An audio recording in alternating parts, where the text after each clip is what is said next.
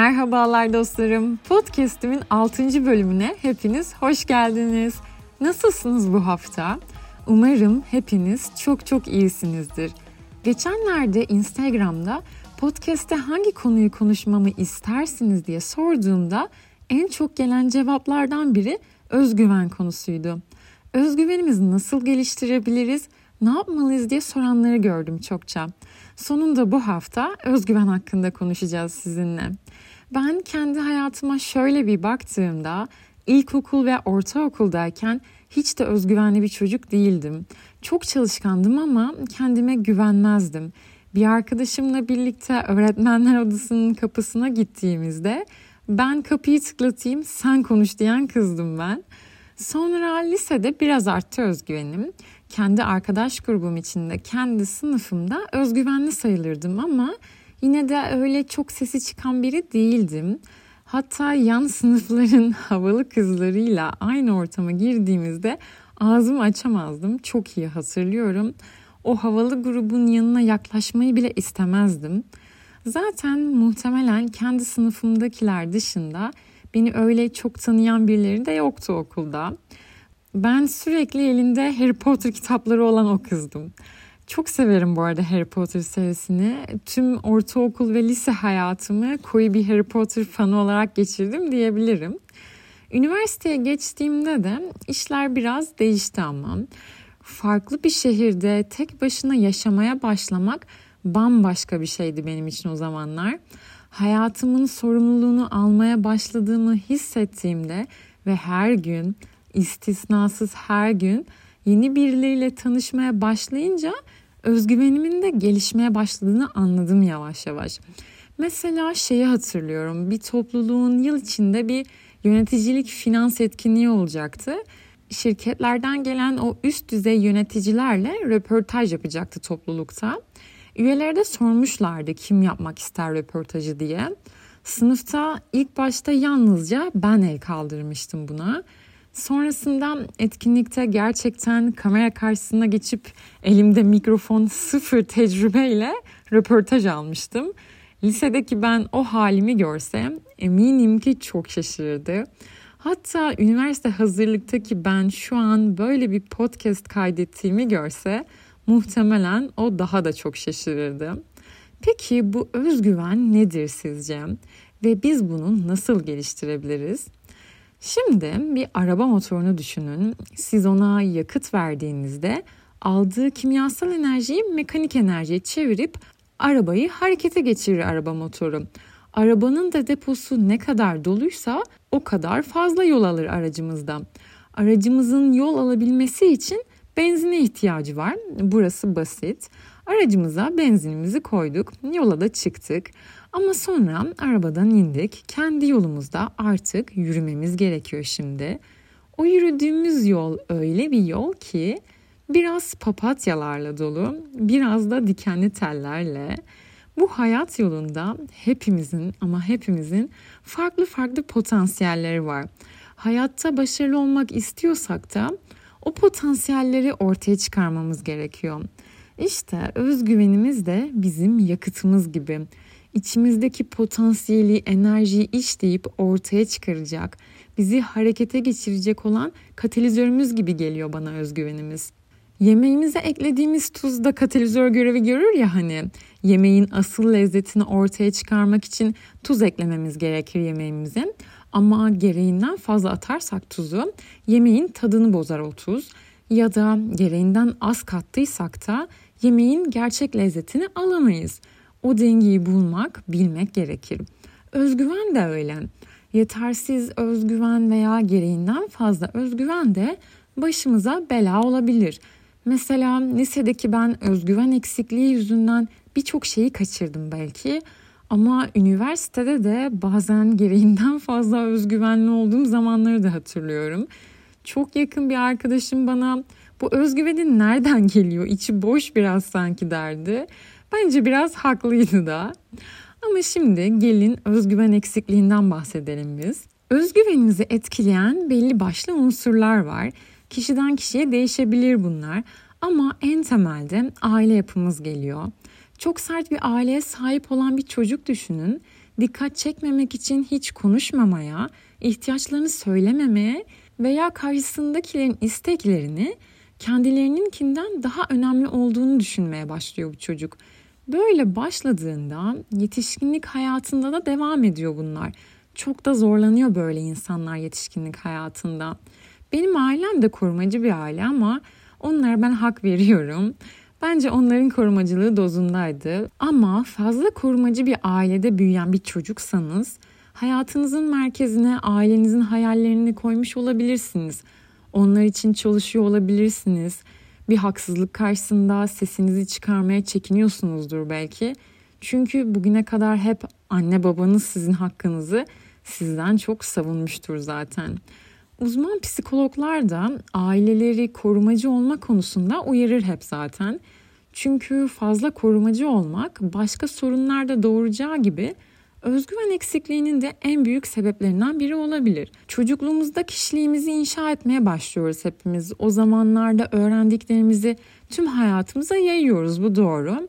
Ama özgüven eksikliğinde tek etkileyici faktör bu değil. Önce mesela özgüven eksikliğimizin kaynağının ne olduğunu bulmak gerek. Bu hissettiğimiz eksiklik dış görünüşe mi bağlı, okul başarısına mı yoksa ilişkilere mi bağlı bunu çözmeliyiz. Değiştirebileceğimiz bir şey mi bu? Mesela benim özgüven eksikliğim biraz dış görünüşümle biraz da yeni insanlarla tanışmaktan korkmakla ilgiliydi. En çok bunlardan çekiniyordum ben.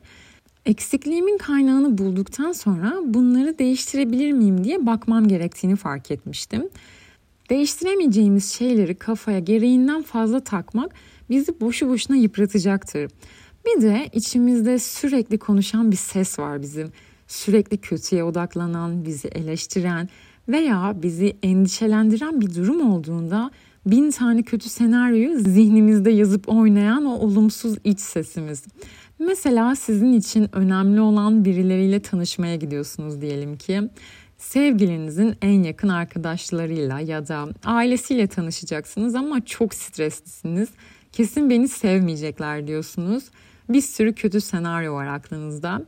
Ya da önemli bir konuşma yapacaksınız. Sınıf önünde bir sunum da olabilir bu. Bu arada benim en büyük korkularımdan biridir mesela bu topluluk önünde konuşmak.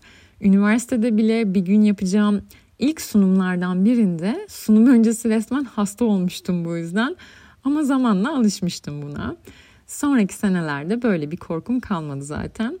Sizin de böyle korkularınız olabilir. Çünkü olumsuz iç sesimiz var olan özgüvenimizi de düşürüyor. Çünkü sürekli ama sürekli aynı şeyleri tekrarlayıp duruyor beyninizin içinde. Bakın dostlarım, beynimiz ne duyarsa ona inanır.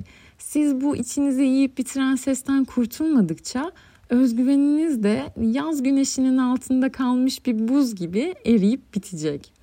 Ama bu durumu değiştirmek gerçekten bizim elimizde. Çünkü bu bir pratik işi. İnsan düşüncelerini şak diye beyninden atamıyor. Bir gecede özgüven bombası da olamıyor. Dedim ya bu pratik gerektiren bir iş. Bu olumlamalara yavaş yavaş kendinizi alıştırabilirsiniz. Vücut geliştiren insanlara bakın. Ne kadar düzenli yaparlarsa antrenmanlarını kasları da o kadar çok gelişiyor. Biz de özgüveni bir kas olarak düşünürsek zamanla geliştireceğiz bunu. Hani Instagram'da bir ürüne tıklarsınız ya sonra 3-4 gün veya bir hafta belli aralıklarla karşınıza o ürünün reklamları çıkar. Sonra belki de cidden o reklam işe yarar ve ürünü satın alırsınız ya hani bizi endişelendiren, tırnaklarımızı kemirmemize, başımız öne eğik bir şekilde halı desenini ezberlememize sebep olacak her ne varsa bunlardan yavaş yavaş kurtulacağız. Mesela o önemli konuşmaya çıkmadan önce kapatın gözlerinizi. Herkesin sizi alkışladığını düşünün. Sunum bittiğinde insanların sizi nasıl tebrik ettiğini hayal edin sevgilinizin en yakın arkadaşlarıyla mı tanışacaksınız? Ya da ilk date mi çıkıyorsunuz? Geçin ayna karşısına ve yüzünüze en güzel gülümsemenizi yerleştirin. O buluşmanın ne kadar iyi geçtiğini düşünün. Ben erkek arkadaşımın en yakın dostlarıyla tanışmaya giderken resmen midem bulanıyordum. Çünkü beni sevmezler diye çok korkuyordum. Yanlarına giderken asansöre binmiştim ve asansör aynasına bakıp seni sevmeyeceklerdi ne yapacaklar kızım bayılacaklar sana görürsün diye kendimi ikna etmeye çalışıyordum. Hani bu filmlerde olan ayna konuşmaları olur ya onlardan yapmıştım kendime. Yanlarına gittiğimde de ilk 5-10 dakika konuşamasam da sonrasında açılmıştım ve her şey çok güzel ilerlemişti. Ayrıca jest ve mimiklerimiz sayesinde de beynimizi kandırabiliriz. Kendimizi iyi hissetmediğimiz anlarda birden gülümsemeye başladığımızda beynimiz artık mutlu olduğumuzu düşünecek. Siz bunun yalan olduğunu bilseniz de beyniniz böyle düşündüğü için bir süre sonra siz de mutlu olduğunuzu düşüneceksiniz. Çünkü gülümsemek beynin ödül mekanizmasını uyarmada çikolatadan bile daha etkilidir. Bunu unutmayın. Şimdi sizden tam şu an hangi konumda olursanız olun omurganızı ve başınızı dik, omuzlarınızı geride ve yüzünüze de kocaman bir gülümseme yerleştirmenizi istiyorum. Bunu yaptıktan sonra gerçekten kendinizi daha iyi hissedeceksiniz. Bu kendinden emin duruşunuz size kendinizi daha özgüvenli hissettirecek. Hatta bu duruşa kendinizi iyice alıştırırsanız bir ortama ilk defa girdiğinizde artık kendinizden çok daha emin gözükeceksiniz. Kendi iç sesimizle hesaplaştık diyelim, hallettik bunu. Ama peki bu dış sesleri ne yapacağız biz? Yemekteyiz yarışması vardı bir aralar hatırlarsanız. Bir dış ses vardı ya hani oradan. Bu dış ses sürekli yarışmacılara yorumlar yapıp sorular sorup ortalığı kızıştırıyordu. İşte o dış seslerden bolca var hayatımızda. Onlara el alem diyoruz biz de. Benim kendimde en sevdiğim özelliğim belki de bu el alem dediğimiz kişilerin ne dediğini düşünmemek olabilir. Yani o kadar umurumda değiller ki küçük bir çocukken bile annem beni bak böyle yaparsan, şöyle dersen, şöyle davranırsan insanlar seni ayıplar dediğinde onların ne düşündüğünden bana ne derdim. Kimseyi rahatsız etmiyorsam sorun ne derdim. Çocuk aklımla bile. Hiç de değişmedi bu düşünce tarzım.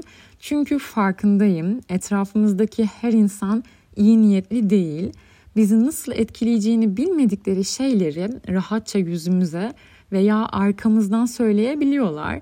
Biz onların hiç düşünmeden söyledikleri şeyleri dikkate alıp hayatımızı şekillendirmeye çalışırsak da o düşüncelerin üzerine bir hayat kurmuş oluruz kendimize.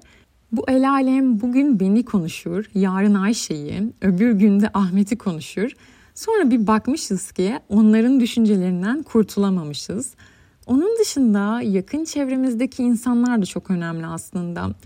Mesela benim üniversite 1 ve 2. sınıftayken yurtta beraber kaldığım bir oda arkadaşım vardı. Çok yakındık. Hala çok seviyorum onu. Ee, ben onunlayken inanılmaz özgüvenli hissederim kendimi. Nereye gitsek, birlikte ne yapsak ışığımız parlardı böyle. Yürüyüşümüz bile değişirdi onunla. Ama bazı arkadaşlarım da vardı ki sürekli olumsuzluklara odaklanırdı. Benim hakkımda veya etraf hakkında sürekli eleştirilerde bulunurlardı. Hiçbir şey beğenmezlerdi. Ya bunu belki kötü niyetle yapmazlardı belki ama onların yanında da kendimi çok özgüvensiz hissederdim ben. Diken üstünde gibi böyle. Etrafımızdan da böyle insanları elemek gerekiyor maalesef. Çünkü hem hayat enerjimizi sömürüyorlar hem de özgüvenimizi düşürüyorlar. Ayrıca aşırı mükemmeliyetçi bir yakın çevreye sahip olursak da özgüvenimiz zedelenecektir. Çünkü bizden beklentileri çok da gerçekçi olmayacaktır onların. O beklentileri yerine getiremeyince de kendimizi yetersiz hissedeceğiz doğal olarak. Bu sadece yakın çevremizle değil, e, kendimiz hakkındaki beklentilerimiz de gerçekçi olmalı. Yatağımın karşısında bir pencere var. Odanın duvarları bomboş. Nasıl yaşadım 10 yıl bu evde? Bir gün duvara bir resim asmak gelmedi mi içimden? Kimse de uyarmadı beni. Kötü bir resim asarım korkusuyla hiç resim asmadım. Kötü yaşarım korkusuyla hiç yaşamadım diyor Oğuz Atay Tutunamayanlar kitabında. Mükemmel olmayı beklediğimiz her an, her şeye yetişmeyi beklediğimiz her an beklentilerimiz daha da artıyor. O beklentiler gözümüzde büyüyor. Ya istediğim şeyi yaparım da yetersiz kalırsam diye düşünüyoruz. Ben bu podcast'a başlarken de aynı böyle düşünüyordum. Zaten çok iyi podcastler var. Senin yapmana ne gerek var diyordum. Ya onlar kadar iyi olmazsam ne olacak diyordum. Cidden dedim sonra ya ne olacak başla gitsin. En kötü olmaz bırakırsın dedim kendi kendime. Sonra geçenlerde Instagram'da bir Reels videosu paylaştım. İngilizce bir sesle. Bırak insanlar seni cringe bulsun, sen istediğini yap. Hayatının sonuna geldiğinde insanlar ne diye yapmadıkların için pişman olacaksın diyordu o videoda. Ve o video 300 binden fazla izlendi şu an. Bir sürü insan yorum yaptı, mesaj attı. Çoğunlukta ortak olarak aynı şeyi söyledi. İnsanlar yaptıklarımı beğenmez, beni küçümser diye başlayamıyorum çoğu şeye diye. Yani insanların düşünceleri bizim potansiyelimizi ortaya çıkarabilmemiz için gerekli olan özgüveni öyle bir zedeliyor ki buna bizim kesinlikle izin vermememiz gerekiyor. Bir de bu bölümü hazırlamadan önce okuma yapıyordum yine. Sonra karşıma gender confidence gap diye bir kavram çıktı. Cinsiyetler arası özgüven farkı diye Türkçe'ye çevirebilirim bunu sanırım. Bu kavram toplumda kadına ve erkeğe yüklenen farklı sorumluluklar, farklı roller yüzünden özgüvenimizin nasıl etkilendiğini anlatıyor. Mesela bir işe başvururken erkekler o iş için gerekli şartların yarısına sahip olduğunda o işe başvurabiliyorken kadınlar eğer şartların tamamını yerine getirmiyorsa bakın tamamını yüzde yüzünü yerine getirmiyorsa o işe çoğunlukla başvurmuyorlar. Bunu ben etrafımda da çok fazla kez gördüm. Ee, bir araştırma yapılmış 2019 yılında kadınlar ve erkekler başarılı olmak için neye ihtiyaç duyar konulu. 4000 kişi katılmış bu araştırmaya ve bu 4000 kişiye ilk olarak bir kadın başarılı olmak için neye ihtiyaç duyar diye sorulmuş. En popüler ilk cevap zeki olmak olmuş. İkinci cevap özgüvenli olmak. Üçüncü cevap ise hiç pes etmemek olmuş. Aynı 4000 kişiye bir erkeğin başarılı olması için neye ihtiyacı var diye sorulduğunda ise en popüler cevap geniş bir çevreye sahip olmak olmuş. Dünya genelinde sonuçlar böyle. Ama bu araştırmaya Türkiye'den katılan katılımcıların cevaplarını incelediğimizde de bir kadının başarılı olabilmesi için o kadında olması gereken en önemli özelliğin özgüvenli olmak olduğu ortaya çıkmış. Yani ülkemizde insanlar bir kadının bir yerlere gelebilmesi için, başarılı olabilmesi için en gerekli şeyin o kadının yeterli özgüvene sahip olması gerektiğini düşünüyorlar. Ne kadar önemli özgüven görüyor musunuz ülkemizde? Aynı Türk katılımcılar ise bir erkeğin başarılı olmak için ihtiyacı olan en önemli şeyin ülkemizde politik bağlantılara sahip olmak olduğunu söylemiş. Böyle bağlantılara sahip olmanın kadınlar için çok da fark yaratan bir etkisi olduğu düşünülmüyormuş. Bu araştırmanın sonuçları benim çok ilgimi çekmişti. Açıklama kısmına da bırakacağım. Siz de mutlaka inceleyin derim. Evet özgüvene hepimizin ihtiyacı var. Ama gördüğünüz gibi en çok da kızlarımızın yani bizim ihtiyacımız var. Mesela benim kız kardeşim yok ama kendimden küçük kız kuzenlerime bu konuda çok destek olmaya çalışıyorum. Kendilerine güvensinler istiyorum, özgüvenli olsunlar, neyi seviyorlarsa bulsunlar, insanlar ne der diye çekinmesinler istiyorum. Umarım hepimiz ışığımızı parlatacak, yolumuzu aydınlatacak özgüvene fazlasıyla sahip oluruz. Beni dinlediğiniz için çok teşekkür ederim. Instagram'da beni podcastlendiğiniz adıyla bulabilirsiniz. Kendinize çok iyi bakın. Görüşmek üzere.